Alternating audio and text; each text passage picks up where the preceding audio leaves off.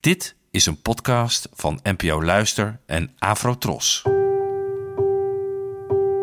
Poëzie vandaag. Met Ellen Dekwits.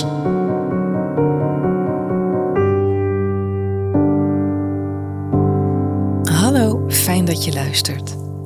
Het gedicht van vandaag heet De Gezichten van de Macht en werd geschreven door de Nederlandse dichter Hans Andreas, geboren in 1926 en gestorven in 1977. De gezichten van de macht.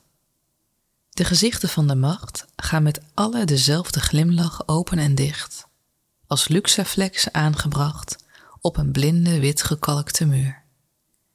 Niet boos genoeg nog de woede van de machtelozen, zachtmoedigheid en deugd voor de anderen in hun pruttelend reservaat van goed en kwaad en kleine bange goede daden. Maar steeds eender beeld ook blijft met me meebewegen. De onbeholpen doden, voddige stapels lijken, en zij die het met dikke blik aanzien zonder er naar te kijken. Telkens wanneer er in Nederland verkiezingen zijn, moet ik aan dit gedicht uit 1977 denken. Het is vernietigend over machthebbers. Om te beginnen wordt hun oprechtheid meteen in twijfel getrokken. Hun gezichten gaan immers met alle dezelfde glimlach open en dicht, als luxe flex aangebracht op een blinde wit gekalkte muur. En daar stopt de dis niet. Want volgens dit gedicht zijn de machtelozen niet boos genoeg om hen van handelen te doen veranderen, die ook dus de macht maar laten zitten waar ze zit.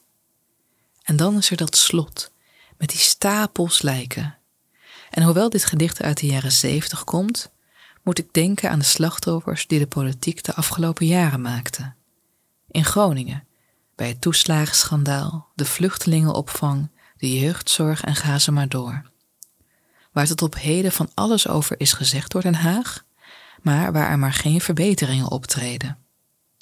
En met die wetenschap in het achterhoofd dreunt de slotregel van dit vers na. Zij die het met een dikke blik aanzien. Misschien bedoelt de dichter daarmee dat de macht wel doet alsof ze ziet, dat ze dat dik aanzet, maar toch niet echt kijkt, er toch ergens haar ogen voor sluit. Zonder naar de misstanden om te zien, laat staan om erom te geven. Iets dat anno 2023 akelig actueel voelt. Bedankt voor het luisteren en tot de volgende keer. Afro Tros, de omroep voor ons.